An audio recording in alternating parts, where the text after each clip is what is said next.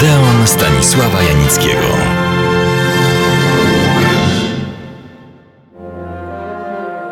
Pozostają wierny tradycji i we wrześniu przywołuję pamięć o losach polskich ludzi filmów w czasie II wojny światowej. A losy te były bardzo dramatyczne, nieraz powikłane, często tragiczne. Dzisiaj chciałbym wspomnieć jednego z najznakomitszych ludzi sceny i ekranu. Konrad Tom, człowiek renesansu polskiego kabaretu i filmu. Marian Hemar tak go charakteryzował. Jako aktor i reżyser, jako piosenkarz, autor piosenek i wykonawca, był uosobieniem pewnej epoki polskiego kabaretu, epoki bardzo ważnej, kiedy kabaret zaczynał być dobry, kiedy z ordynarnej zabawy i pornograficznej szmiry zaczynał przemieniać się w teatrzyk miniatur, kiedy zaczynał nabierać wdzięku i prawdziwego dowcipu tego nowego kabaretu był Konrad Tom, właściwie pierwszym wielkim majstrem. Dodałbym jeszcze, że był także dziennikarzem, niezastąpionym, oryginalnym autorem nie tylko piosenek, ale i niezliczonej ilości skeczy i scenariuszy. Ponadto wyśmienitym i oryginalnym, równym legendarnemu Fryderykowi Jaroszemu, konferencjerem. Prawie wszystkie te swoje talenty wykorzystał również służąc dziesiątej muzie. Naprawdę nazywał się Konrad Kusewicki, ale kiedy rodzina, stateczna i zajmująca się poważnymi interesami, dowiedziała się, że młodociany Konrad zwariował dla teatru, jak to delikatnie określono, po prostu go wykleła i zmusiła do zmiany nazwiska. No, przynajmniej imię pozwolono mu zachować. Jego przygoda, a właściwie wielka pasja i miłość do sceny, a później i do ekranu, rozpoczęła się od ambitnego, na tamte czasy nowatorskiego kabaretu Momus. Jak to napisano, wkupił się do Momusa popularną do dziś balladą na Czerniakowskiej. Oto jej początek. Choć ojca nie znał, matki też, uchował się bez troski. Żył, toć najmniejsza żyje, weż. Nikt go nie pytał, jak się zwiesz, na Czerniakowskiej.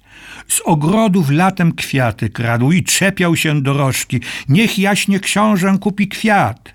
Przepijał dychy potem rad na Czerniakowskiej. Momus przestał istnieć. Jak grzyby po deszczu powstawały jednak następne teatrzyki, kabarety, w których Konrad Tom z rosnącym powodzeniem pracował.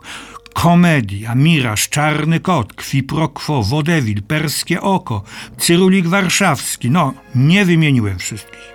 Nie wymienię też wszystkich filmów, których był scenarzystą, reżyserem i w których nieraz grał zadebiutował w 1918 roku farsą Rozporek i spółka.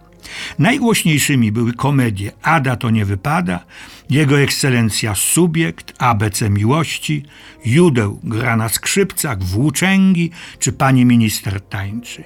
Ale brał udział także w dramatach. Ułan księcia Józefa, Mateczka, Rapsodia Bałtyku czy Zabawka przeżył wielki osobisty dramat.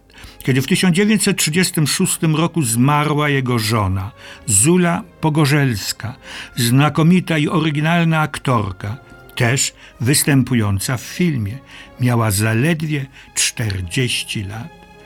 Kiedy wybuchła wojna, znalazł się wraz z innymi polskimi ludźmi teatru i filmu w Lwowie.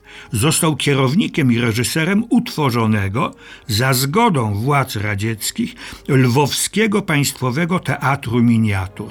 Występowali tu m.in. tak znani aktorzy jak Jadwiga Andrzejewska, Eugeniusz Bodo czy Mieczysław Fok.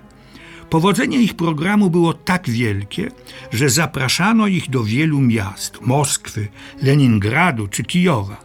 Program ich występów był niby neutralny, ale w pewnym momencie Konrad Tom został jednak na kilka miesięcy aresztowany przez NKWD.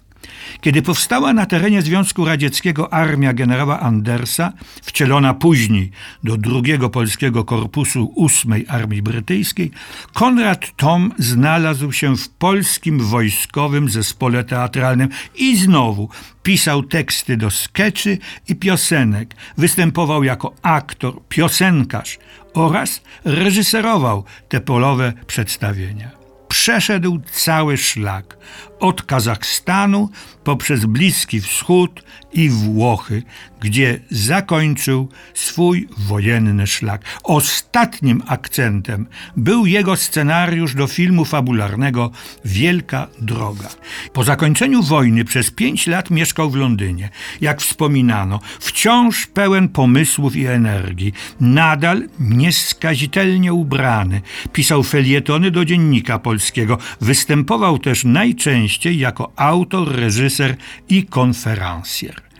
W październiku 1951 roku wyjechał do Stanów Zjednoczonych. I dalsze wspomnienia. Pisał, niestety do szuflady, scenariusze filmowe i telewizyjne, których nikt nie chciał nawet czytać, tym bardziej kupować. W 1956 roku doznał skomplikowanego złamania uda w wypadku samochodowym. Przyjaciele zebrali pieniądze na dalsze leczenie, ale Konrad Tom zmarł 9 sierpnia 1957 roku. Przyczyną śmierci był nieuleczalny nowotwór. Pochowano Konrada Toma na cmentarzu Hillside Memorial Park. Na nagrobku widnieje napis – ukochanemu i szanowanemu artyście i człowiekowi. W uroczystości pogrzebowej wzięło udział zaledwie 20 osób. Tak zakończyło się życie jednego z najzdolniejszych, najwspanialszych twórców polskiego kabaretu i filmu.